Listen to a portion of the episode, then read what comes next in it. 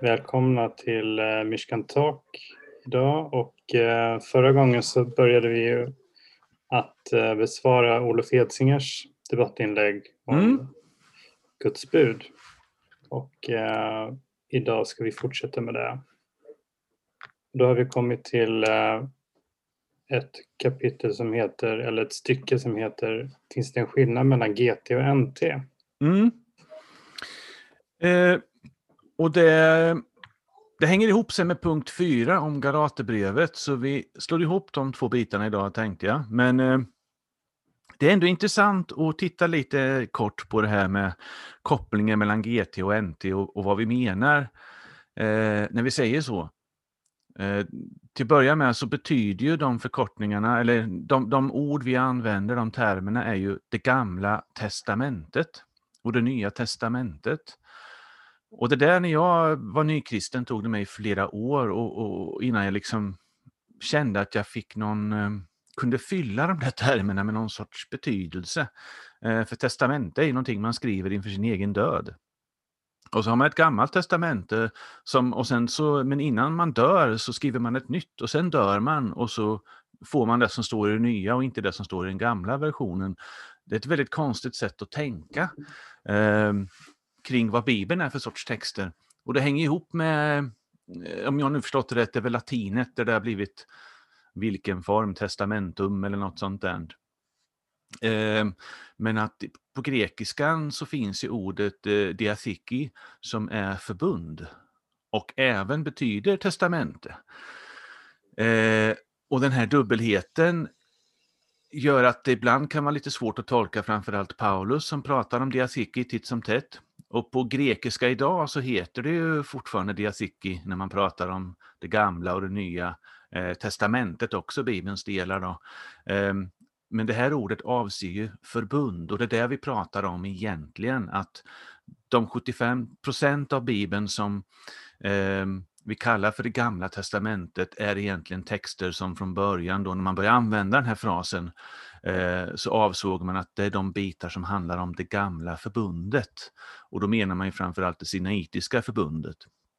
Medan Nya Testamentet innehåller texter som är vävda kring det nya förbundet som vi som kristna tror att Jesus har instiftat.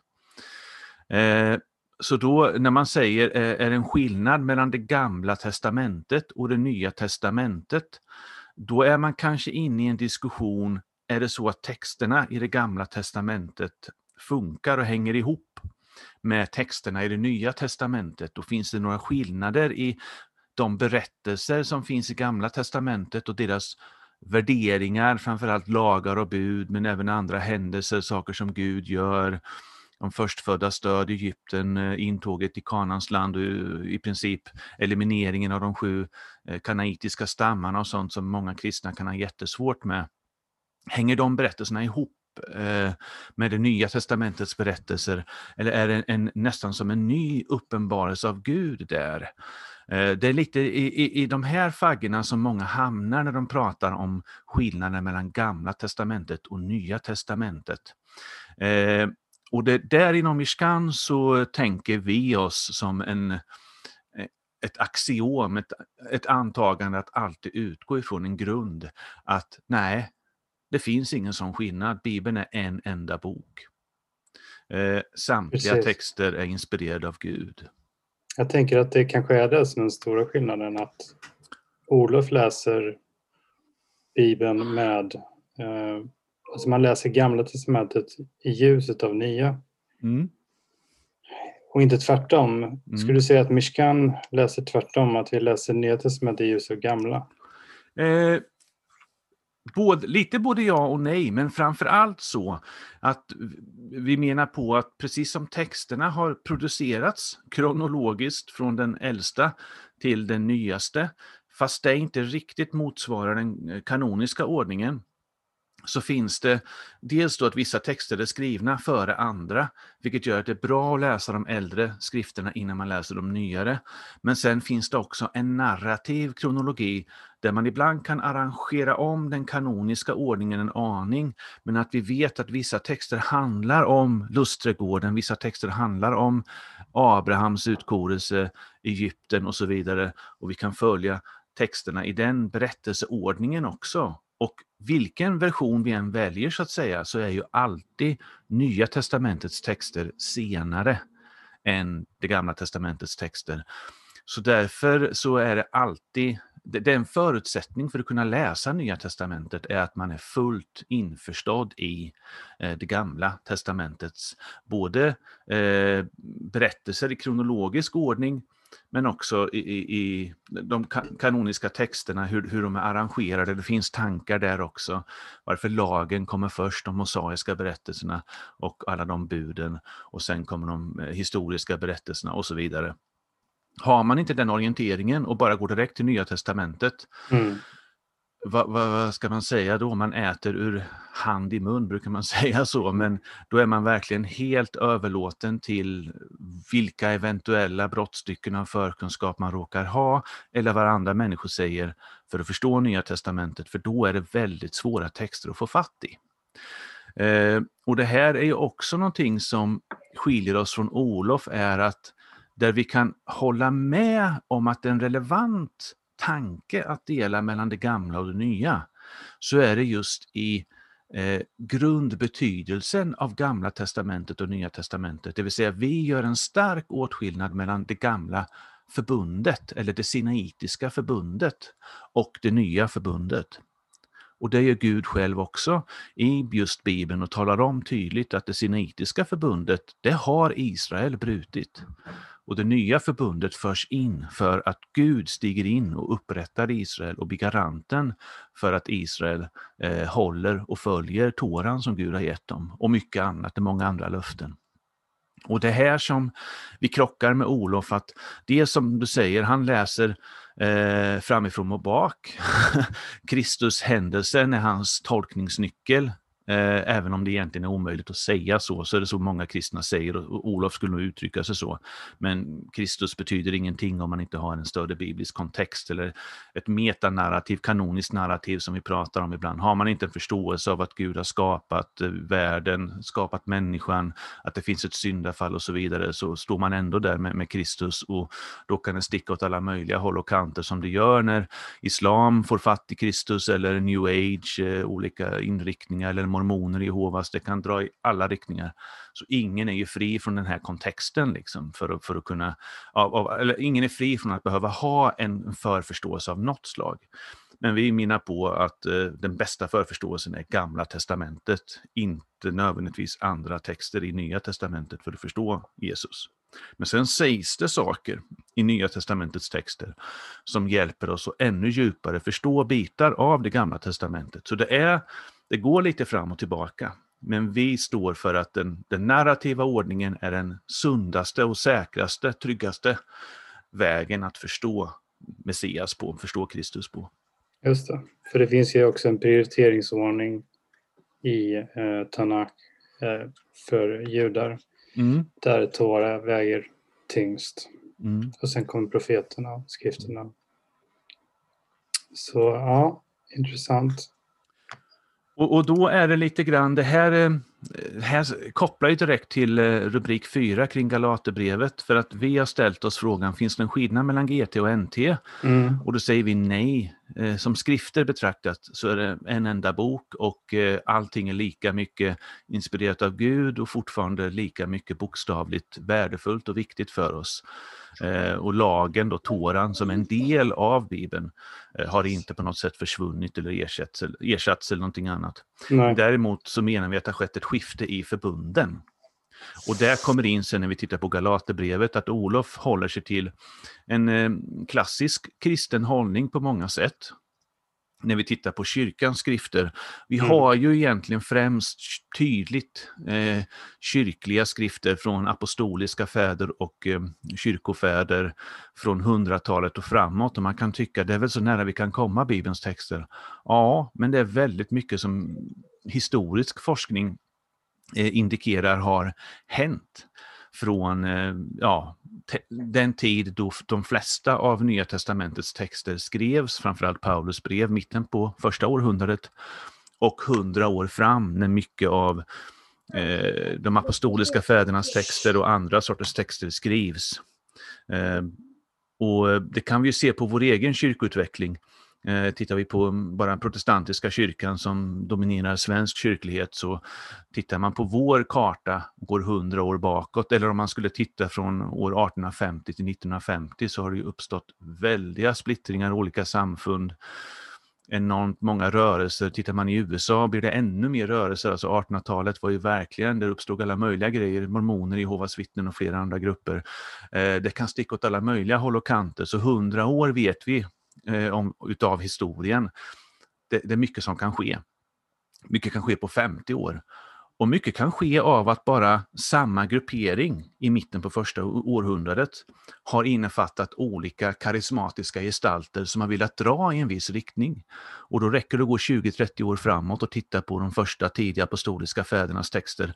Tittar vi på apostoliska fäder som Diraché inkluderas ju i de texterna. Tittar vi på den texten eller jämför med eh, med eh, någon annan av, av texterna, Ignatius brev till exempel, så kan det vara enorm skillnad på hur de uttrycker sig i vissa sakfrågor.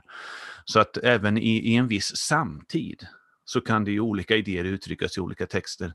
Så det här att de, kyrkans texter kommer väldigt nära Nya Testamentet är inte en garant för att de har bevarat den sanna tron, utan det är en viss form av ideologi som finns där som inte återspeglas i Nya Testamentets texter. Så vill vi förstå vad Paulus och de andra menade så måste vi läsa just deras texter. Och där uppstår det knas när eh, vi har olika förförståelse. Och Olof menar ju då på att det har skett ett bräck som gör att Toran inte består. Inte i sin fullhet eller Mm. inte på samma sätt. Och det här har ju varit Olofs stora ingångspunkt. Han har ju använt eh, senare kyrkofärders eh, klassificeringar av eh, etiska bud, rituella bud, eh, civila bud och så vidare för att försöka själv resonera sig fram till vilka bud som skulle kunna gälla. Han hittar Mm. alltså ingen modell för det här i Bibeln, för det finns ingen. Den där uppdelningen är ju inte biblisk. Så att han blir, så att säga, han blir tvingad till det, till sådana resonemang, vilket även kyrkofäderna blev just utifrån antagandet att Toran inte längre gällde som den gjort Mm. innan Jesus. Men lägger man bort det åtagandet och läser direkt in i Bibelns texter, det är inte så att det blir eh, problemfritt och det är inte så att inte vi inom Mishkan har, bygger upp vår egen tolkningsram eller vår, vår egen förförståelse som vi filtrerar Bibeln genom. Mm. Men lyfter man bort bara just det där antagandet att lagens tid är förbi, ja, man lyfter undan det och så tittar på texten, då är det inte lika tydligt längre att det skulle vara det som Paulus menar i till exempel Galaterbrevet 3.25 som vi ska titta på idag. Ja.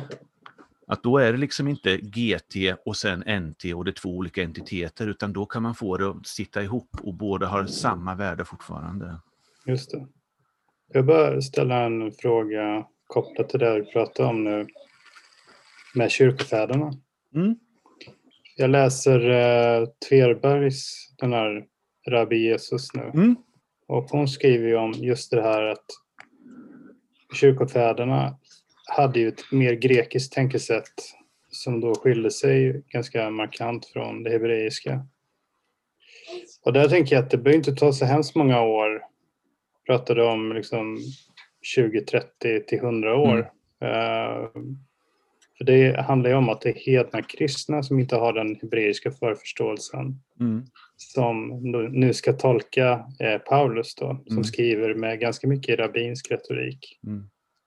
Man kan ändå tänka sig att det, det, var, en, eh, det var redan i nytestamentlig tid en miss eller en feltolkning av Paulus. Det ser Mm. vi ju till exempel Petrus skriver om att broder Paulus är svår att förstå och Mm. sådär. Mm. Och det här ser vi ju i missionshistorien, i modern tid i, i, inom missionen, eh, men också i forskarvärlden. att när texter översätts till ett annat språk, till att börja med där, eh, så eh, finns det alltid betydelseförskjutningar. Och när Paulus Paulus utgår ju mycket från Septuagintan, eller den språkvärlden, den grekiska språkvärlden kring Tora. Så det finns vissa fraser och formuleringar som han kan använda sig av. Men mm. många forskare tänker sig också att han faktiskt nyskapar vissa fraser för att det ännu inte är jättetydligt. Eller vi har inga, inga, inga bevarade texter på grekiska där vi ser att judar diskuterar alla de saker som Paulus diskuterar. Mm. Så ibland kan det också vara så att han famlar lite. Han har ett arameiskt eller hebreiskt uttryck i bakhuvudet och så ska han förmedla det på grekiska. Just det. Eh, men sen har vi också, och, och det, i, i sådana översättningar mellan språk så är det också översättningar mellan kulturvärldar som gör att det blir alltid lite svårt för mottagargruppen att förstå det på det sätt som sändaren har avsett, om man ska uttrycka det så. Men sen har vi ett annat fenomen vi ser idag i den akademiska världen. Och det är till exempel att de senaste 40-50 åren så har eh, ett ökande antal judiska historiker och eh, bibelforskare börjat ge sig på nytestamentliga texter och framförallt Paulus och börjat se helt andra saker än vad eh, traditionellt kristna teologer och forskare har sett. Och då pratar vi ändå om människor som lever i samma språkvärld. Det är alla, allt det här sker i den anglosaxiska språkvärlden, alla har engelska som modersmål. Men man är fostrad i olika eh, traditioner, man delar vissa eh, kulturella saker genom att till exempel alla kan vara amerikaner eller britter, men sen så har man en judisk bakgrund eller en kristen bakgrund, men samma språk. Och det gör också plötsligt att oj, eh, vad olika man kan tolka saker. Så många av de här hedningarna då som tar emot eh, Paulus brev, de har sannolikt varit gudfruktiga, det vill säga de har levt i synagogemiljön ganska länge innan de blev kristna. Och en del i flera generationer kanske och kan vara väldigt väl införstådda med saker, men förmågan att förstå de judiska koncepten kan ändå variera trots att det är samma språkvärld på grund av att kulturella impulser, influenser, filosofier, ideologier och så vidare påverkar väldigt mycket och gör att det som Paulus skriver plötsligt kan boom, uppfattas på ett helt annat sätt av eh, en annan person som eh, hör till så att säga då den hellenistiska kultursfären. Det där blir också lite grann en, oh. ett argument som inte håller, halmstråargument eller vad säger man? Red herring på engelska tror jag man uttrycker också, att man skapar en, en dikotomi mellan hebreiskt och hellenistiskt. Eh, och, och menar på då som du sa, kyrkoherdarna hellenister, kyrkofäderna hellenister och Paulus var hebre. Den uppdelningen funkar inte riktigt, det vet vi av forskningen också idag, att så enkelt var det absolut inte. Men det är definitivt så att Paulus, han är kulturellt skolad på ett visst sätt, även om grekiskan kan ha varit hans första språk. Han kallar sig hebre av hebreer, han kan vara uppfödd med, med hebreiskan där på något sätt, eller någon dialekt av arameiskan. Mm. Eh, men han var helt klart, liksom, grekiskan var hans, det var, eh, han, de flesta bibelverser han citerar från minnet är på grekiska, så att grekiskan mm. har funnits där för honom hela tiden. Men han är ändå hebre i sitt tankesätt. det kulturella influensen tendenser som ändå gör att han, han tänker på ett visst sätt. Ja. Eh, men det går inte att säga så här jättesvartvitt, dra en linje att han var hade en hebreisk kultur och de andra hade en hellenistisk kultur och att det har med språk och andra saker att göra, utan det är en mer komplex bild. Men helt klart är att det, vi ser ju i Paulus egna brev att han är medveten om att det uppstår schismer i hans grupper och att hans ord kan tolkas på viss, ett visst sätt eller att saker han tycker han har lärt ut tydligt ändå inte har tagits emot rätt. Det är ju ett av dilemmana i Galaterbrevet, att han, är, han, han får ta upp saker han trodde han hade liksom ställt skåpet kring tidigare. Då mm. tycker jag att vi går in i Galaterbrevet och kollar på den här versen. Var det Galaterbrevet 3.24 som du hade först? Eh, jag tror det var faktiskt eh, 20...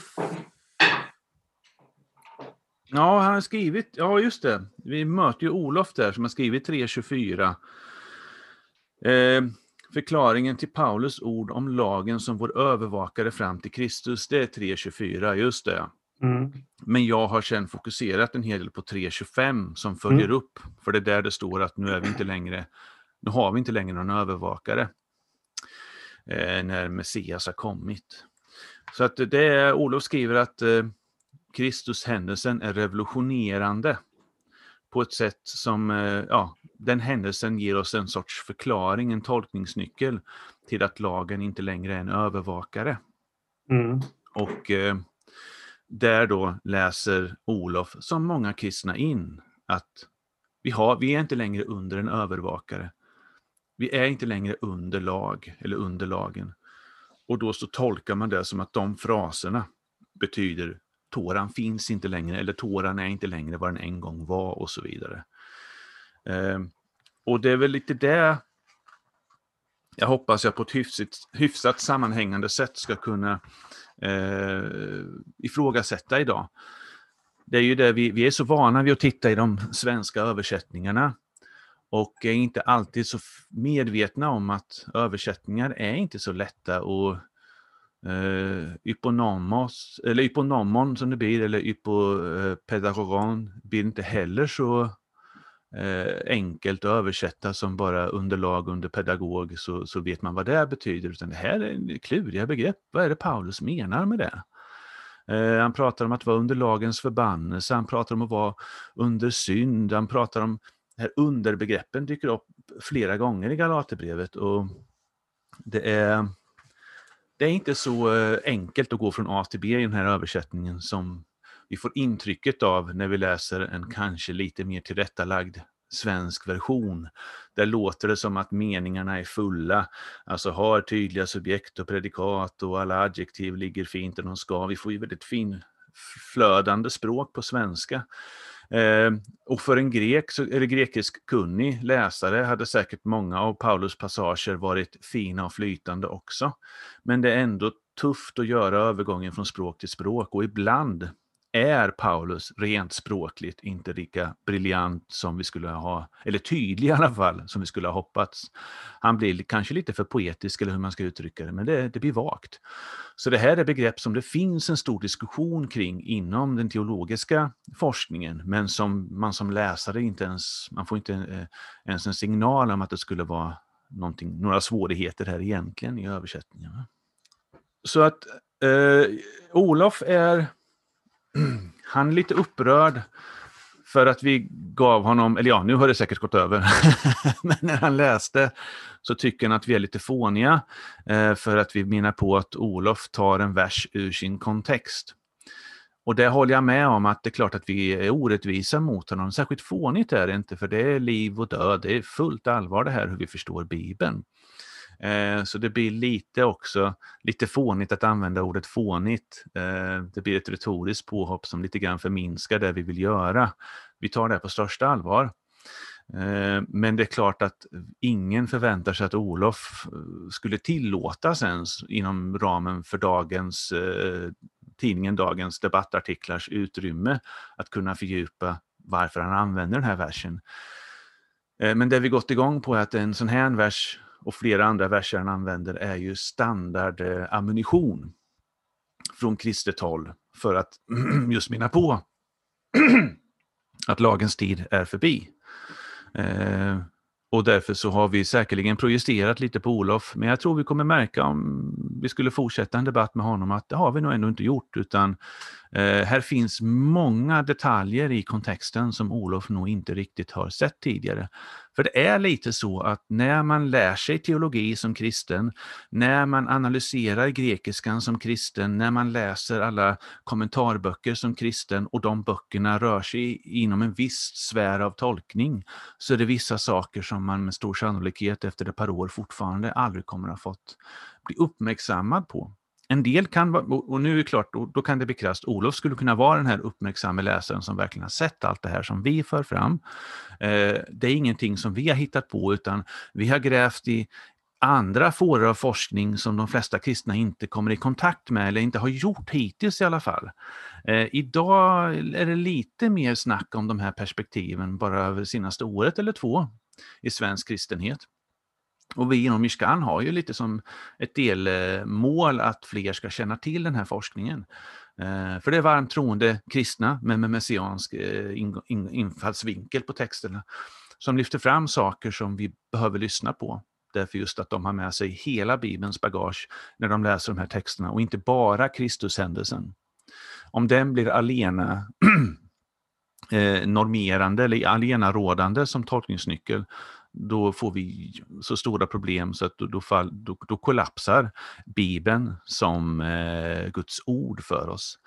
eh, menar jag. Så att när Olof tycker, han tycker att det inte är tillräckligt mycket Jesus i våra utläggningar, så är det inte för att vi inte tror på Jesus eller för att inte Jesus är viktig. Jesus är allt i vår tro. Tar man bort Kristus ur vår tro, Messias ur vår tro, ja men då är vi inte messianska eller kristna eller hur man nu vill formulera det.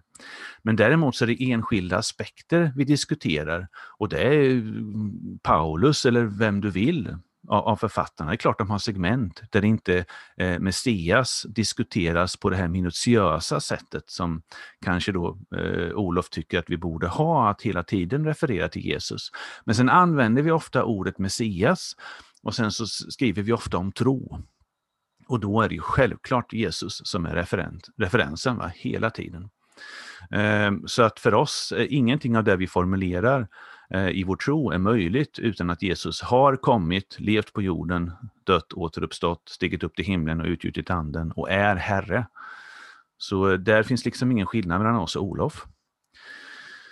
Eh, men om vi tittar lite här på, tar undan den retoriken som mm. han lyfter fram lite här och tittar på det han påstår, så eh, vi, vi, vi betonar starkt anden, säger han. Och i den här diskussionen så gör vi det kring Galaterbrevet, för det gör Paulus. Det är Paulus springande punkt. Eh, hur fick ni anden i kapitel 3? Och där, där runt väver han sen eh, kapitel 4 och 5 eh, väldigt snyggt att det, det, som, eh, det som gör skillnad mellan de, adressa, eh, de, de eh, läsare som han liksom vill hugga till på. Och de kanske delvis läsare, men människor det syns har liksom, som har lämnat församlingarna eh, och glidit i en annan riktning. Det han vill hugga till på där, det är hur fick ni anden? Var är anden? Varför finns anden hos er? Och det är just det här att ni har lyssnat på budskapet, ni har tagit emot eh, evangeliet i tro, jag gestaltar Kristus för er och ni kom till tro. Det var så ni fick anden och det är så under och mirakel har skett i er närhet. Inte genom, och sen kommer det en fras som också är svår att översätta, lagens gärningar. Ergontonomo, eller ergonomo. Det här är också någonting som man som kristen läsare på svenska inte blir införstådd med, att det finns en jättestor debatt kring vad den frasen betyder. Eh, den översätts ibland laggärningar. Men det är en väldigt farlig översättning idag. Särskilt för oss lutheraner tänkte jag säga, vi som har en protestantisk eh, eh, kultur omkring oss och har formats av det. Och som lever underförstått med dikotomin mellan lag och nåd. Eh, då är ju lagen nästan ett skällsord och eh, en laggärning kan aldrig vara någonting positivt och då handlar det egentligen om vilka bud som helst som människan försöker hålla för att vara duktig inför Gud. Läser vi det så, då missar vi Paulus eh, eh, avsikt fullständigt. Men det är lätt så vi projicerar. Vi, vi, vi projicerar väldigt snabbt vår, vår förförståelse. Så laggärningar är en lite, det är nästan en översättning som jag önskar vi kunde plocka bort eller byta ut eller jag vet inte vad man ska göra. Eh, men det krävs ganska mycket kommentar kring det för att det ska bli klart och tydligt vad det betyder. Och det finns inga klara slutsatser heller, utan även vi får ju dra våra slutsatser. Men att, men att landa i den här lutherska tolkningen är definitivt inte den enklaste lösningen för att brevet ska gå ihop i sin, i, i, logiskt i sin helhet. Utan Paulus är förbannad för att människor låter omskära sig. Och han säger där också i samma, eh, eh, anda, eh, samma andetag där i början på kapitel 3. Är det lagens gärningar som gett er anden eller är det att ni tror, eh, har trott eh, på budskapet det ni har hört, eh, ska det som börjar i anden sluta i köttet? Eller tror ni att ni ska fullkomnas i köttet ungefär, står det mer bokstavligt. Eller med köttet. Och då avser ju han eh, inte först och främst, det är ett språkspel, han leker med orden lite, men det är inte först och främst den materiella världen, de lust och begär, det är också köttet för Paulus. Men här syftar han just på, tror ni att om ni skär bort förhuden, då blir ni fullkomliga. Är det det ni håller på med? Har ni inte fattat att ni har fått helig ande av Gud? Ni är... Och sen kommer nästa grej. Ja, vad är de? Jo, de är, står det i kapitel 3, Abrahams barn och Guds barn. Så det här är ett bråk om identitet, inte om laggärningar. Eh, och det är väl det första, här skriver eh, Olof att han själv är ganska nära James Dunn. Eh, och James Dunn är ju en forskare som från 80-talet och framåt, en äldre herre nu, har eh, menat på att just den här frasen lagens gärningar faktiskt betyder framför allt identitetsmarkörerna, det vill säga att fira sabbat, att omskära sig, att äta kosher och sådana saker som en judisk person kunde göra och kan göra idag som visar att jag är jude. Det här gör inte icke-judar. Och där så eh, där kan vi ju följa Olof i viss del, att men det, åtminstone så närmar vi oss själva dilemmat då. Mm. Att eh, var det genom att leva judiskt som ni fick anden? Eller var det genom att eh, lyssna i tro? Och då kan man anta att många av läsarna i Galaterbrevets eh, miljöer, där det, det, verkar ju gå runt, det är, lite, det är flera församlingar i, i Galatien som blir hälsade, så det verkar vara ett spritt problem. Men de kan säkert, då, som jag sa tidigare, varit gudfruktiga och, och, och hållit tåran, delar av tåran åtminstone väldigt länge. Men det är när de får höra budskapet som helige ande fyller dem. Mm. Det är mm. då tecken under sker också och så vidare. Eh, det skulle kunna vara så Paulus menar. Eh, och då, är, då blir det ändå återigen tydligt att eh, det är anden som är fenomenet som Paulus vill lyfta fram som en historisk verklighet. Mm. Som visar på att de är Abrahams och Guds barn. Så att när vi diskuterar Galaterbrevet så är det inte fel att lyfta fram det här. Eh, och anden är Messias ande, så Jesus är ju centralgestalten för att anden ska delas ut överhuvudtaget. Men anden är jätteviktig för att förstå Galaterbrevet. Och även judar blir frälsta genom tron på Kristus, skriver han, inte bara genom att få del av anden. Och där återigen så är det lite illvillig tolkning från Olof, för i vår text så är vi ganska tydliga med att det är genom tro som man får det. Eh, och det är tron på Jesus, det är inget annat som avses. Så det finns ingen ande att få del av skilt från att underordna sig Jesus som Messias. Så där, där, där skiljer vi oss inte alls från Olof.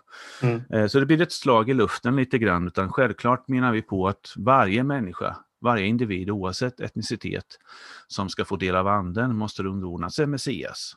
Och så är det. Och det ser vi ju i Apostlagärningarna kapitel 2, pingstdagen, att eh, anden utgjuts till dem som omvänder sig och, och tror. Så att, eh, och då är de alla judar samlade i Jerusalem. Så att det är ingen som kommer undan det på något sätt. Och sen så minnar han på, jag bara går igenom de här sakerna lite grann, det är någon eller två punkter till här innan vi tittar närmare på Galaterbrevet, men vi inom Mishkan hävdar att Olof anser att Tora har försvunnit och det säger han är felaktigt. Eh, och då eh, får vi hålla med att skulle vi ha sagt så så eh, är det felaktigt. Så har inte jag förstått honom och jag vet inte om jag heller har skrivit så. Eh, fast här skriver han i och för sig Tora med H och inte Toran med N. För vi menar inte på att Olof tror att hela lagen har försvunnit. Men däremot har aspekter av lagen reducerats, mm. omtolkats eller förvandlats på ett sätt som gör att det är inte samma Tora eh, efter Messias som före Messias. Någonting har hänt. Mm. Och det är Toran innan Messias som vi diskuterar. Och då får vi ändå konstatera att den finns inte kvar på samma sätt som den fanns eh, eh efter Messias för Olof. Och då eh, är, väl, då är det väl ändå rimligt att säga att Olof menar på att vissa saker försvinner på sätt och vis. Det, vissa betydelser försvinner, vissa tolkningsmöjligheter försvinner och den bokstavliga relevansen av vissa bud försvinner och så vidare. Eh, men vår poäng är att även om Olof skulle hålla vid att alla 613 buden fortfarande så att säga finns kvar eller gäller, så eh, är det, tycker jag, ganska klart från Olof att han menar på att de inte ska följas på samma sätt som innan Jesus. Så då är det, ja, återigen, bitar av Toran har definitivt försvunnit för, för Olof. Och det är hans dilemma. Det är därför han behöver kyrkofäderna för att avgöra vilka bitar finns kvar. Eh, men så säger han avslutningsvis här, min egen teologi bygger på Paulus ord i Galaterbrevet 2. Jag har genom lagen dött bort från lagen för att jag ska leva för Gud. Eh, och det här är också på grekiskan en jättesvår vers. Så det är lite synd att Olof bygger väldigt mycket på en vers som vi kan bråka väldigt mycket om hur den ska översättas och framförallt vad den betyder. Den har vissa nyanskopplingar till inledningen på Romarbrevet 8 där Paulus pratar om eh, lagen genom eh, anden på något sätt och eh, lagen genom synd och död, eller syndens och dödens lag och andens lag. Eh, där det är helt uppenbart från kontexten att han omöjligen kan prata om olika lagar, utan snarare en och samma lag med olika verkningar eller funktioner beroende på om vi är fyllda av helig ande eller lever i köttet bara, så att säga. Eh, och det är verkligen här frågan också i Galaterbrevet 2. Eh, vilken lag är det som han har dött eh, genom och vilken lag har han dött ifrån? Eh, och, och, och, vad menar han med det egentligen? Ehm, så att det, det, här är en vers som jag skulle rekommendera Olof att inte längre använda som någon sorts grundbult för sin teologi utan snarare som en nyansering av någonting han bygger på andra verser, för den är notoriskt svår att tolka. Men eh, det är kanske är en vers vi kan komma tillbaka till eh, mm. senare då efter att vi tittar lite närmare på Galaterbrevet.